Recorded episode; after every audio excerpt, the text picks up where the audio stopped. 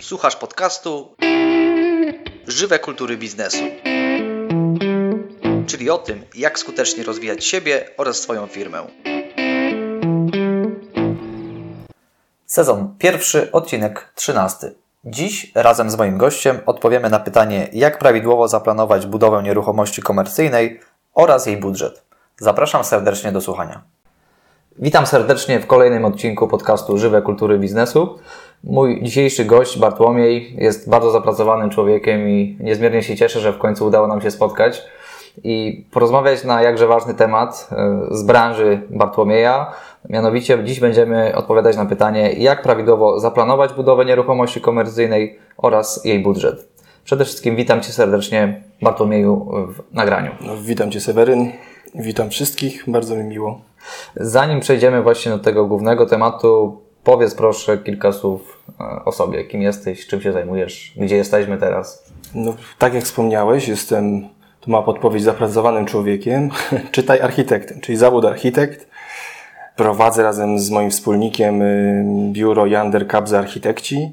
W Łodzi. W Łodzi, jak najbardziej, tak. No cóż, y, kilka słów o, o sobie, czyli Studia ukończyłem głównie mm, w rodzinnym mieście w Łodzi, na Politechnice Łódzkiej, aczkolwiek to nie wszystko, ponieważ miałem okazję studiować i uzyskać dyplom architekta również we Francji.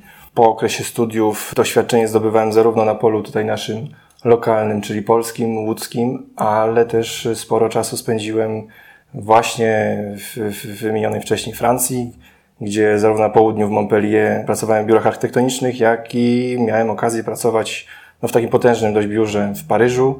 Ono się nazywa Architecture Studio i projektowało innymi budynek Parlamentu Europejskiego, także tym się mogę poszczycić. Powróciłem, działamy teraz y, na rynku lokalnym, y, choć to znaczy polskim, no i, i, i tutaj myślę, że z powodzeniem sobie radzimy. Mhm. Jakiego rodzaju inwestycje realizujecie na co dzień? Na co dzień, tak jak wspomniałem, razem z Dominikiem Kabzą, działamy sobie na dwóch obszarach architektury. To znaczy, ja wyspecjalizowałem się w projektowaniu kubatury budynków mieszkalnych, hoteli, budynków biurowych, czyli kubatura to inaczej budynek, budynki. Dominik za to y, ma ogromne doświadczenie w projektowaniu wnętrz komercyjnych. Y, głównie to są y, przestrzenie biurowe z nowym podejściem, takim dosyć nietuzinkowym, ale również projektujemy wnętrza hoteli, no i innych przestrzeni komercyjnych, tak, szeroko pojętych. Mhm. Też na początku pytanie takie, y, ponieważ zarówno ja, jak i myślę moi stali słuchacze są już w miarę wyedukowani, jeśli chodzi o nieruchomości takie, nazwałbym je prywatne, czyli dom, mieszkanie. Natomiast ciekawi mnie, jak wygląda to ta realizacja nieruchomości komercyjnej, czyli czym ona się bardzo różni od takiej inwestycji y, prywatnej właśnie, jak mieszkanie czy dom tak naprawdę y, no, różni się w tym w, w, samych założeniach, tak? Głównie chodzi tu o pytanie o cel inwestycji. Czyli o ile w przypadku inwestycji indywidualnej, tak jak dom, no to cel jest z góry jakby wiadomy do osiągnięcia. Chcemy uzyskać jak najlepszą no, przestrzeń do, do życia, do, do, do czasu. Natomiast co do przy inwestycji komercyjnych, no to cele już można chociażby na samym początku rozgraniczyć y, na dwa wątki, to znaczy inwestycja, która powstaje po to, żeby y, pozostać w portfelu klienta, czyli tego inwestora i dalej działać na jego korzyść, czyli pracować. To są na chociażby, no, chociażby budynek hotelowy, chociażby budynek biurowy z przestrzeniami pod wynajem, który zostaje cały czas jakby w tym portfelu inwestycyjnym. Są też y, z drugiej strony inwestycje, które są już z góry założone na odsprzedaż na, w dalszej kolejności no, klientowi docelowemu. Tak? tak na przykład właśnie deweloperzy budują budynki wielorodzinne, gdzie mieszkania są później sprzedawane dalej na rynku. Także głównie wydaje mi się, że to jest kwestia tego, tego, tego celu, w jakim, w jakim celu powstaje ta dana nieruchomość. I tutaj no, dość, dość mocne różnice no, widać, wydaje mi się. Tak? Mhm.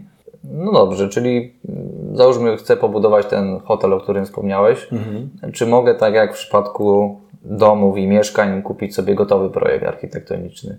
Bo pewnie miałbym mniej problemów i krócej by to trwało, tak? Czy no tak jest, czy, czy, czy może nie jest tak? Świetnie, że, że napomknąłeś, że miałbyś mniej problemów, tylko pytanie właśnie na jakim etapie miałbyś najmniej problemów. Przede wszystkim, e, no nie jestem specjalistą w, w, w projektach gotowych. aczkolwiek stykamy się czasem z, z, z taką problematyką. Tak jak no, wspomniałem, no nie wchodzimy za bardzo w, te, w, te, w, te, w, te, w tą problematykę projektów gotowych, ale projekty gotowe y, mają to do siebie, że tutaj cel jakby tej inwestycji jest ustalany hipotetycznie, więc ktoś, w tym przypadku architekt, siada do, do pomysłu typu zaprojektujmy sobie hotel, mhm. nieważne gdzie, nieważne z jakim przeznaczeniem docelowym, projektuje hotel ogólnie, tak rzecz biorąc. To jest, y, chyba powracamy znowu do tego najważniejszego pytania, no jaki, w jakim celu potrzebujemy tę inwestycję y, zrealizować. Jeśli planujesz budowę hotelu, no to wiesz, czy to ma być hotel skierowany do y, nastawiony na, na klienta turystycznego, czy bardziej na biznesowego, tak? Czy masz stawiać bardziej na konferencje, czy, czy tylko i wyłącznie na pokoje i tak dalej, i tak dalej, tak? Więc to, to chociażby w tym założeniu, no, no, no wydaje mi się, że takie inwesty- jest projekty gotowe dla inwestycji komercyjnych na pewno są. Można, można takie, takie projekty znaleźć, ale, ale obawiam się, że, że to jest, no, no, no, no krótko mówiąc, pomyłka. Tak? Okej. Okay. Czyli projektując, podejrzewam, już docelowo, tak, pod nasze wymagania, pod nasze cele, jesteśmy w stanie no, mieć taki obiekt, jaki sobie po prostu po pierwsze pewnie wymarzyliśmy, a po drugie taki, który spełnia te wszystkie tak, cele. Tak, no to najlepiej widać też chociażby w przypadku tych najbardziej popularnych, czyli tych projektów gotowych domów jednorodzinnych. No, tutaj no, gro osób y, wraca do nas, czy, czy, czy, czy, czy do naszych kolegów y, właśnie po złych doświadczeniach z takimi projektami. One są faktycznie może y, szybciej je się uzyskuje, tak? Bo mamy to od razu klikamy, mamy na ekranie, ładny, ładny, tylko potem jak przychodzi ta dokumentacja się okazuje, że raz, że nie wszystko zauważyliśmy, dwa, że nie do końca on może pasować na działkę, trzy, że nawet w takim wymiarze indywidualnym, no to nie do końca może satysfakcjonować klienta. A co dopiero w komercyjnym, gdzie to faktycznie, powiedzmy sobie szczerze, no to jest biznes, no nie, tutaj nie ma miejsca na, na jakieś e, półśrodki, może tak, tak? To mhm. po prostu, no to budynek jest, jest taką rodzajem takiej, takiego kompleksu, takiej maszyny, która ma spełniać swoją rolę, tak? W takim wymiarze budowlanym, no. Jasne. Podejrzewam również, że zmiany w projekcie gotowym to też powodowałyby więcej kolejnych pytań i potencjalnych problemów niż projektowanie tego od początku, jakby od zera.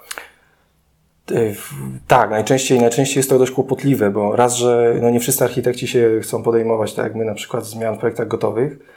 E, druga rzecz jest taka, że te, często te, te, mm, zakupując projekt gotowy, myślimy, już mówię teraz w tym, w tym aspekcie e, inwestycyjnym, tych inwestycji komercyjnych hotel to nie tylko zewnętrzne, skorupa, ale także od razu trzeba myśleć o wnętrzu, o sposobie, o sposobie działania tego, jak za, no, zachęcić tego klienta, żeby jednak skorzystał z tej oferty, a nie z innej, tak?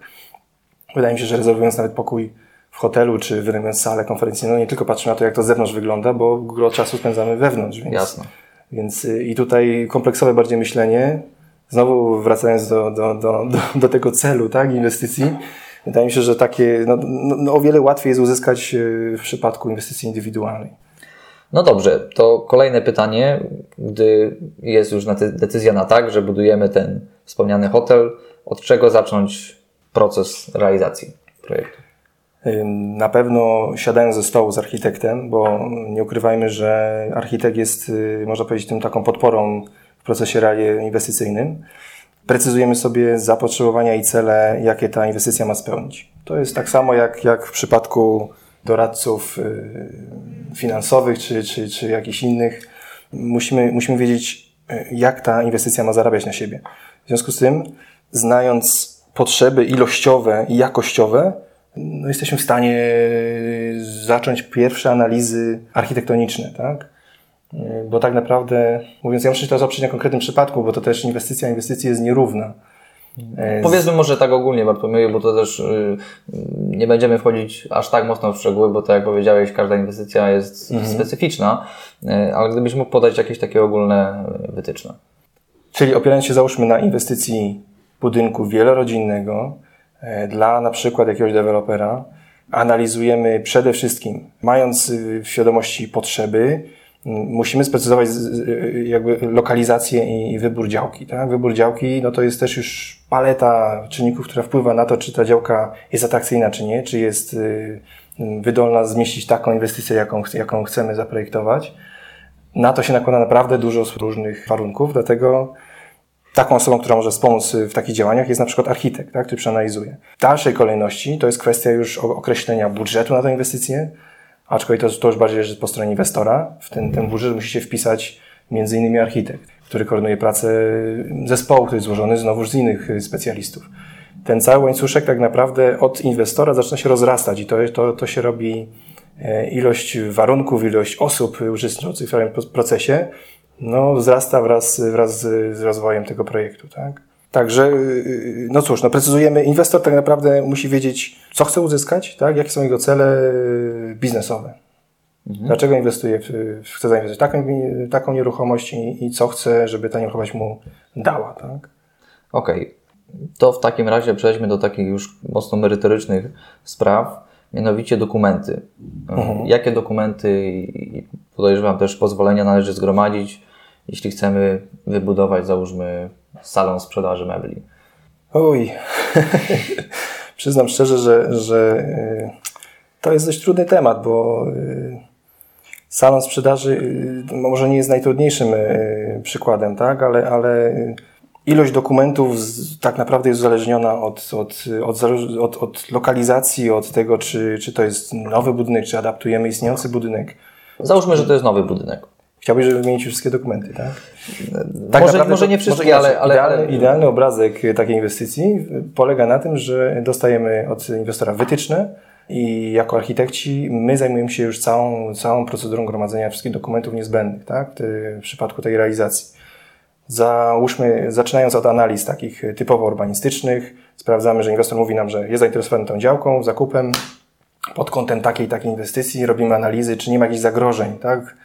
E, które na przykład nie umożliwią realizację takiej, takiej, takiego czy innego budynku. Mhm. Dalej staramy się o wystąpienia do urzędów o określenie warunków e, zabudowy dla, dla tej działki lub uzyskanie wypisu z planu miejscowego, ale to już, to już są takie dokumenty, które w całym procesie architektonicznym, no po prostu no, my jesteśmy na co dzień z tym, więc, mhm. więc wręczamy poniekąd e, inwestora z, z, tej, z tej całej papierologii. Tak? Okej, okay, czyli teoretycznie ja przychodzę do Ciebie, będę miał głowę spokojną, bo wiem, że Ty się tym zajmiesz, tak? Czy, tak, czy są, to, czy są... nie sposób wyliczyć wszystkich dokumentów, mhm. bo, bo tego jest bez liku. I, I momentami mam wrażenie jako architekci, że ta nasza praca kreaty, kreacyjna to jest jakieś 5 do 10% y, w całym procesie, a tak naprawdę gro czasu zajmuje nam tak, spięcie całego, całego projektu pod kątem pod kątem biznesowym, spięcie go właśnie, jeśli chodzi o formalną stronę. Mhm. No to dla inwestora to jest dobra informacja.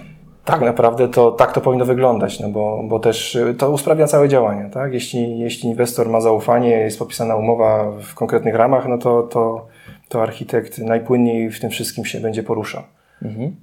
Czy są jakieś dokumenty czy pozwolenia, których architekt sam nie jest w stanie czy to prawnie, czy, czy w jakiś inny sposób po prostu, no mówiąc kolokwialnie, załatwić? Czy, czy inwestor musi sam gdzieś podziałać, żeby te zezwolenia uzyskać? Nie, najczęściej, najczęściej architekt, mając pełnomocnictwo inwestora, jest w stanie w 99% e, wszystkie procedury administracyjne przejść w jego imieniu. Tak? Także nie, nie sądzę, żeby są oczywiście procedury, gdzie, gdzie raczej to inwestor na siebie bierze niektóre zobowiązania, ale to też są zobowiązania, które skutkują jakimiś tam zobowiązaniami finansowymi.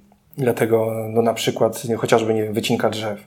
Tutaj architekt występując w, imieniu inwestora bierze na siebie ciężar czy koszty ewentualnej wycinki. Y, no to trzeba uważać na niektóre procedury, ale tak naprawdę w większości przypadków to, to wszystkie, jeśli nawet nie jesteśmy w stanie do końca dopiąć danej procedury, no to, to y, doprowadzamy ją załóżmy do samego końca, a już w ostatnim momencie inwestor wtedy albo podpisuje dany dokument, wniosek. I, więc jest to również komfortowa sytuacja, mi się wydaje, tak? Mhm, jasne. Tym bardziej, że jeśli w przypadku szczególnie pewnie większych inwestycji nie wydarzają one się tak często w życiu przedsiębiorcy, inwestora, no to też pewnie nie ma takiej potrzeby, żeby on na ten jeden, jedno wydarzenie musiał się zagłębiać w całą tą strukturę i machinę wręcz e, dokumentacji, tak? Bo ta nie wiedza tak... po prostu nie będzie mu pewnie potrzebna tak często jak tobie, architektowi. Tak, aczkolwiek są inwestorzy też, którzy czują się bardziej komfortowo, kiedy jest to jednak, mają rękę na pulsie, tak? Więc mhm. i dla nas też jest dobra sytuacja, bo wiemy, że no mając jakby, będąc na bieżąco, tak? My raportujemy klientom, co, na, na jakim etapie jesteśmy, oni się czują bezpiecznie, bo wiedzą, że prace postępują. My wiemy, że jeśli coś by się nie zgadzało, tak jak mówię, z tymi celami biznesowymi, czyli na przykład, nie wiem, y, klient by potrzebował większą ilość y, powierzchni do sprzedaży, albo no, no, są, no, jest, tego, jest tego cała masa, różnych uwarunkowań, no to wtedy dostaniemy szybki feedback, że no, proszę zwrócić uwagę na ten i ten punkt, tak? Mhm. Czyli komunikacja jest bardzo ważna na linii. O, bardzo. Tak naprawdę y, wychodzimy z założenia, że ta relacja między inwestorem a architektem y, powinna być na zasadzie bardziej partnerskiej, a nie koniecznie takiej y, czysto roszczeniowej, tak? Bo na zasadzie partnerstwa jesteśmy w stanie też lepiej poznać potrzeby inwestora i działać też poza, poza jakby nawet umową, w sensie takim, że, że czasami y, jesteśmy w stanie usprawnić niektóre działania, chociażby marketingowe, czy inne, rozumiejąc jego potrzeby, tak? No, no mówię na zasadzie partnerstwa, tak? I porozumienia. Mhm bezpośredniego. Jasne, jak jest dobra wola z dwóch stron, to dokładnie, dokładnie to idzie szybciej. I też i jeśli powstaje w miłej atmosferze, no to, to jest satysfakcja obopólna. Tak? Jasna sprawa. No dobrze, czyli co? Posuwamy się do przodu. Kiedy mogę stwierdzić, że te wszystkie, że ten etap przygotowań już jest zakończony i mogę wbijać pierwsze łopaty? Tutaj no też nie podam punktu, tak, który dokładnie można na tej osi czasu zaznaczyć, że tutaj w tym momencie już wiem, że jestem bezpieczny. Tu trzeba bazować naprawdę na, na doświadczeniu osoby, która występuje jako, jako właśnie ten partner, albo będzie to architekt, albo jakiś project manager, ktoś, kto, kto koordynuje to przygotowanie inwestycji. I wydaje mi się, że na, no, no, trzeba tu się oprzeć na wiedzy profesjonalistów po prostu, które już zasygnalizują, że z punktu widzenia nie wiem, y, lokalizacji działki, uwarunkowań, dostawy mediów itd., itd., itd., jest to no, inwestycja realna i możemy, możemy ją, jej się podjąć. Mhm tak sobie próbuję wyobrazić taką sytuację, że na przykład mamy pozwolenie na e, wykup działki, czy mm. mamy pozwolenie na to, żeby wybudować tam obiekt komercyjny, natomiast e, możemy jeszcze nie mieć jakiejś zgody formalnej ze strony, załóżmy, energetyki czy wodociągów. Tak? To rozumiem, że to jest właśnie taka sytuacja, która powinna zapalać czerwoną lampkę, że no, może jeszcze lepiej nie zaczynać tej inwestycji, bo nie wiadomo, czy na przykład e, Dlatego te media będą. Często podkreślamy, że, że na etapie na już zakupu, to, to sugerujemy naszym klientom, na, na etapie analiz potencjalnych działek, warto skorzystać już z usług albo doradztwa e, profesjonalistów. Może to być między innymi właśnie architekt, e, który no, będzie w stanie sprawdzić razem z innymi projektantami, jakie są warunkowania, jeśli chodzi o infrastrukturę takiej działki, bo jest, tak naprawdę tych czynników jest cała masa, jeśli chodzi o, o samą działkę. Mhm. Są nawet czasami takie małe, wydaje się nieznaczące rzeczy, które mogą dramatycznie wpłynąć na, na możliwości zabudowy takiej działki, tak? Szczególnie to się dzieje właśnie w śródmieściu, albo jeśli chodzi o wpływ właśnie na koszty takiej realizacji. Niektóre rzeczy w ogóle nie widać, tak? To się, to się dzieje, to się to widać na, na mapach, na innych dokumentach. No i to, to są elementy ważne, które, no, które później wpływają na, na ewentualny budżet y, tej inwestycji. Także no tutaj uczulam, że, że no warto, warto pytać i, i radzić się. Kto pyta, ten nie błądzi. Zgadza się, zgadza się w 100%. A, a czy, tak zapytam, bo wspomniałeś, że też projektowałeś w Francji, czy tam ten proces papierologii, mówiąc kolokwialnie, wygląda też. A rzeczywiście, no, też Francuzi tak, też, administracja jest rozwinięta, aczkolwiek tam powiem szczerze, to było niesamowite właśnie w tym, już w tym, tak jak mówię, w tym dużym biurze w paryskim, co też no, dało nam do myślenia, mi do myślenia i, i, staramy się to też y, jakby wdrażać u nas w, w procedurze projektowania. Tam element kosztorysowania i, i, i jakby panowania nad budżetem inwestycji dział się już, już zaczynał się od etapu koncepcji. Tak? Czyli generalnie znając jakby budżet, skalę, skalę budżetu ogólną przeznaczoną na daną inwestycję, przy każdym etapie projekt był złożony z wielu etapów i na każdym etapie ten, ten kosztorys był e, bilansowany i sprawdzany, czy, mhm. czy mieścimy się, czy nie, na co sobie możemy jeszcze pozwolić, na co nie. Do tego dochodziły różne analizy jeszcze ekologiczne, e, oprócz tych ekonomicznych, także e, bardzo kompleksowo ta, ta procedura była prowadzona. No i tak naprawdę projekty u nas teraz w Polsce też zmierzają właśnie w tym kierunku, także mm, architekt oprócz tej roli swojej, no kreacyjnej, wiadomo, później technicznej, później formalnej, administracyjnie, żeby pilnować ten, tego, to wszystko w, w, ułożyć jakoś w tych, w tych realiach administracji, musi cały czas pamiętać o tej ekonomii jeszcze, tak? Więc to my stajemy się też poniekąd troszeczkę tak też księgowymi i, i mamy te tabelki przed oczami, Excela i, no, project, się... project managerzy, tak? Którzy tak, aczkolwiek to też, rękę na pulsie. To jest może też i, i, i, może też nie do końca to tak powinno wyglądać, bo ta funkcja powinna być trochę odłączona. I też taka tendencja jest, tak, że ten project manager y, to jest osoba, która jest gdzieś tam tuż przy architektem, pomiędzy architektem a, a inwestorem i mhm. ona koordynuje te sprawy finansowe, ale no my, architekci, też musimy mieć pełną świadomość tego, co, co rysujemy, jak rysujemy i za ile. W sensie, co, jak to się przełoży później na, na koszty inwestycji. Tak? Jasne. A czy sądzisz, że takie bardziej skrupulatne monitorowanie każdego z tych etapów inwestycji, jak było we Francji, pozwala na to, żeby te budżety nie były przekraczane, tak na przykład w Polsce. Czasami się słyszy, że jakieś inwestycje, na przykład tam państwowe, przekroczyły budżet o ileś tam set procent. Czy... Po to to się robi, tylko też nie ukrywajmy, że jest w trakcie realizacji jest dużo czynników, które nie zostały wykryte na etapie analiz czy, czy, czy, czy wcześniejszych badań przeróżnych. No i one ewentualnie skutkują na powiększenie tego budżetu. Dość dużym y, czynnikiem jest czas. Tak? I to jest bardzo istotny czynnik, jeśli chodzi o realizację. A czas znowu, no, no na czas wpływa no, też cały ogrom y, czynników, od, począwszy od, od dostępności wykonawców, podwykonawców, od od elementów, które mogą nas zaskoczyć, tak jak mówię, na, na budowie, to, to mówię, że, że infrastruktura, która jest nieujawniona na mapach, czy, czy badania gruntowe, które mogą być nierzetelnie wykonane i tak dalej, i tak dalej. Także.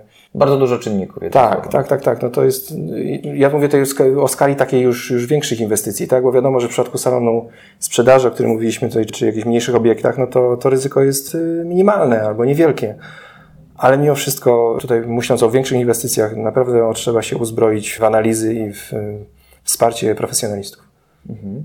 Też przypomniała mi się taka sytuacja, bo miasto, z którego ja pochodzę, Sierac, niedawno też ruszyła tam jakaś inwestycja i po rozpoczęciu prac ziemnych mhm. okazało się, że tam znalazły się jakieś zwłoki osób sprzed chyba II wojny światowej i widzę, że ta inwestycja cały czas jakby stoi, tak? Zaczęły się tam jakieś ekshumacje i, Zgadza się. I, i, no i nikt nie przewidział, tak? Dopóki nie zaczęły się te prace, to nikt nie, nie mógł, może ktoś mógł podejrzewać, ale na pewno nikt nie przewidział, że akurat coś takiego może się znaleźć. No to są sytuacje dość, dość y, tak przyjemne i dość ekstremalne, tak, o których mówisz, ale, ale ja podam przykład tutaj chociażby z centrum Łodzi, gdzie, gdzie realizowana była jest właściwie w trakcie inwestycja hotelowa, mówię tu o hotelu Ambasador. Tam na przykład, ponieważ jest to śródmieście, dlatego ilość i mnogość e, infrastruktury podziemnej jest tak duża i tak gęsta, że też nie była aktualizowana przez lata na, na mapach do celów projektowych, że w trakcie realizacji okazało się, że no jest jeszcze wiele instalacji, które należy skorygować, skonfrontować z gestorami, ich przełożenie i tak dalej. To też, to też wpływa na czas realizacji, tak? I i to się dzieje w trakcie realizacji, tak? bo to są elementy, których nie widać, nie ma jak sprawdzić. Tak jak mówię, takich, takich czynników jest, jest znacznie, znacznie więcej. Mhm. To mówiliśmy teraz właśnie o czasie, o nieprzewidzianych rzeczach, a jakie te przewidywalne elementy mają największy wpływ na budżet?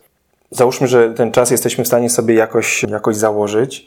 Mówimy o czasie realizacji, ale nie możemy zapomnieć jeszcze o czasie na przykład komercjalizacji, czy, czy, czy sprzedaży, czy, czy uruchomienia obiektu. Czyli generalnie, jeśli to jest obiekt na sprzedaż, no to no, trzeba go utrzymywać jeszcze przez ten okres, kiedy wszystkie lokalnie zostaną sprzedane lub, lub kiedy nie zostanie skomercjalizowany, zajęte powierzchnie przez najemców.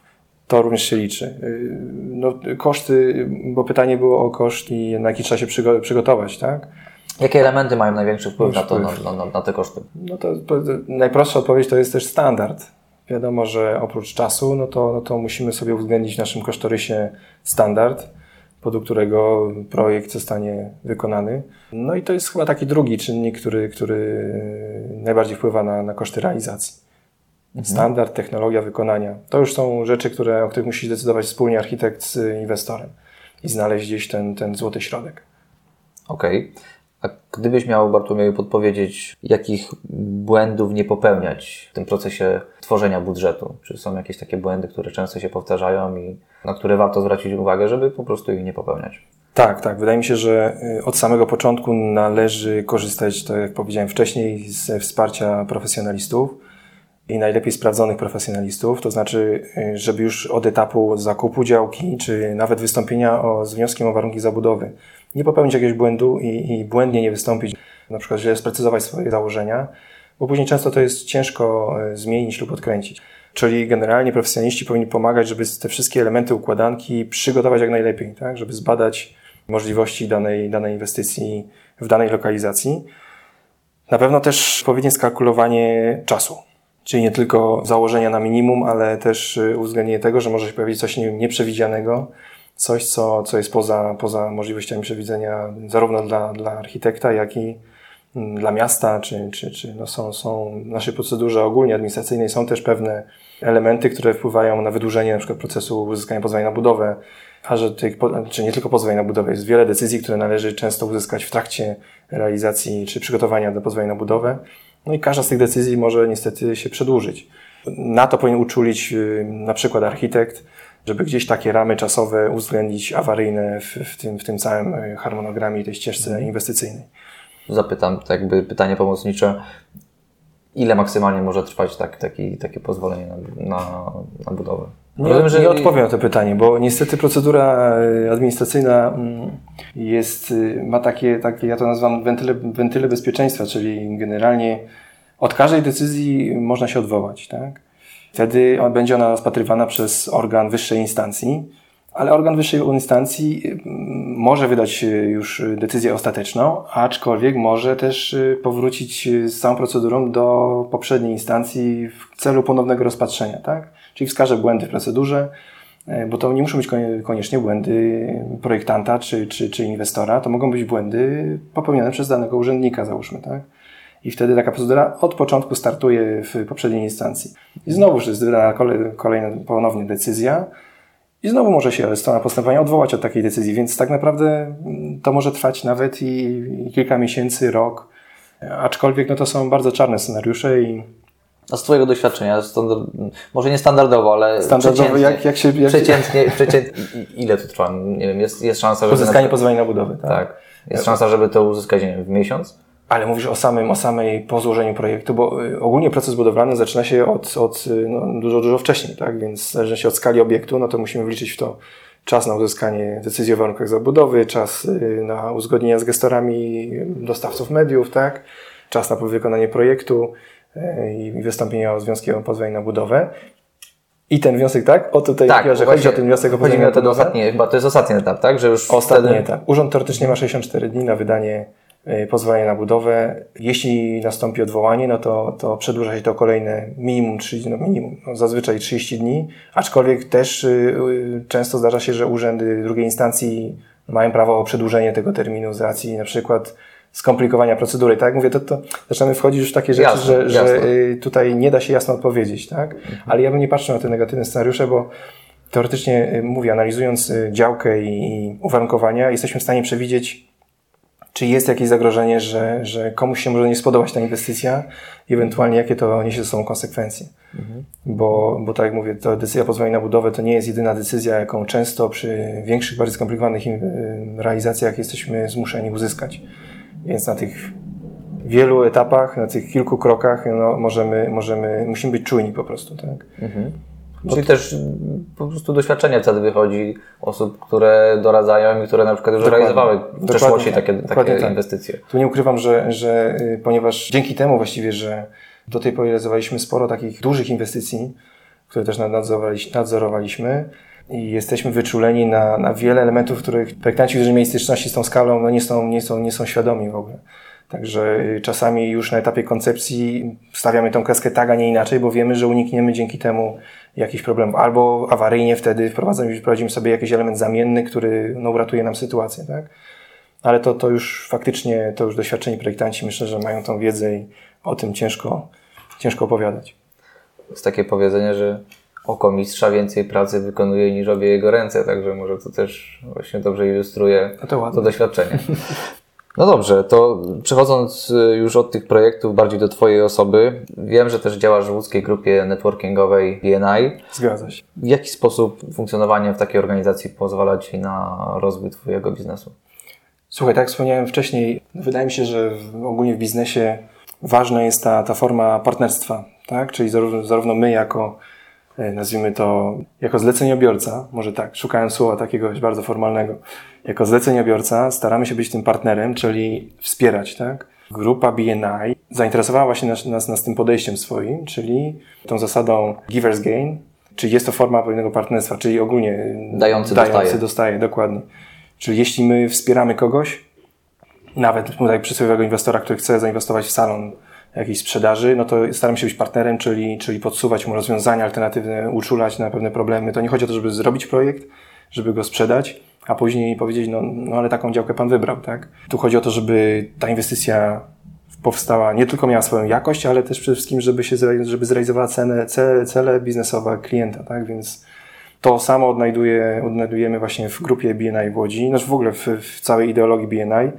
I to faktycznie się, się, sprawdza. I to zarówno w naszym tutaj pracy zawodowej, jak i w samej grupie po prostu no, widać to na gołym okiem, że, że, że ta zasada działa.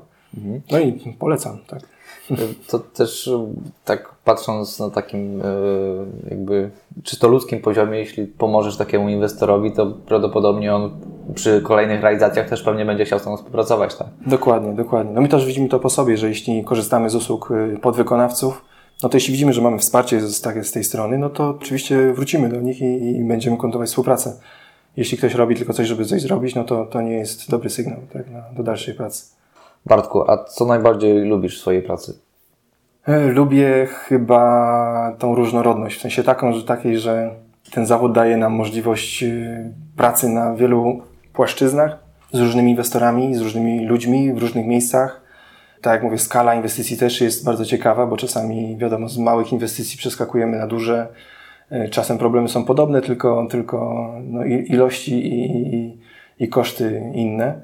Wydaje mi się, że ta różnorodność jest najbardziej ciekawa. Druga rzecz no to, jest, to jest to, że możemy troszeczkę użyć swojej kreatywności w naszym zawodzie. Jednak jest ta, jest ta, jest ta porcja, lekki procent tych działań, gdzie, gdzie kreatywność się przydaje i tutaj się dobrze odnajdujemy. No to, ale to nie mówię tylko o formie, że kreujemy, wymyślamy formy, bryły, czy, czy kształty. Mówię też o tym, że ta kreatywność pomaga nam często, gęsto właśnie również w tych bardzo takich przyziemnych problemach na zasadzie właśnie procedur, na zasadzie interpretacji różnych i tak dalej, i tak dalej. Tutaj też się trzeba wykazać też można być nie lada sprytem, tak, i, i kreatywnością.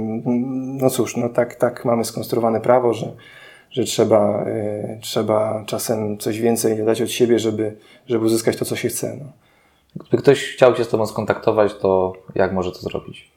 Cóż, y, jeszcze raz powtórzę, no, pracownia nazywa się Yander Cabs Architekci. Jakąś stronę Można nas znaleźć oczywiście na www.yandercabza.pl.